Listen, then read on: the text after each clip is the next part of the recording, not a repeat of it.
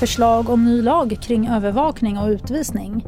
Beslut om slutförvar av kärnbränsle väntas i januari och första fallet av omikron i Västra Götaland. Men TV4-nyheterna börjar med att berätta att regeringen idag presenterade förslag till en ny lag som ska underlätta övervakning och utvisning av utlänningar som kan vara ett hot mot Sverige. Lagen kan börja gälla från och med nästa sommar och ska bland annat ge Säpo fler verktyg för att både låsa in och för att i hemlighet övervaka misstänkta utländska medborgare i landet.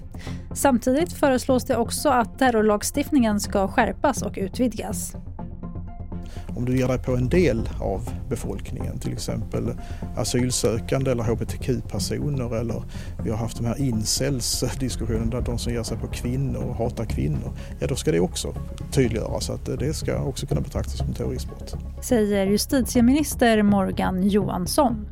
Så till ett annat regeringsbeslut, nämligen det om slutförvar av kärnbränsle. Klimat och miljöminister Annika Strandhäll meddelade tidigare idag att ett beslut kommer den 27 januari.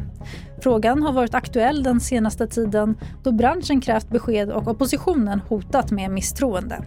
Det finns formella krav när man är i den här fasen vi nu är.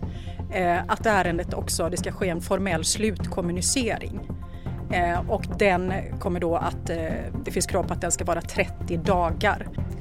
Och så till coronaläget och Västra Götaland där nu första fallet av omikronvarianten konstaterats. Det ska vara en person som smittats under en resa i Sydafrika. I nuläget är det oklart om personen har spridit smittan vidare. Och I övrigt så har det idag rapporterats in sju nya dödsfall och därmed har totalt 15 184 personer avlidit med covid-19 i Sverige. Det senaste hittar du i TV4 Nyheternas app. Mitt namn är Tannas Edalat.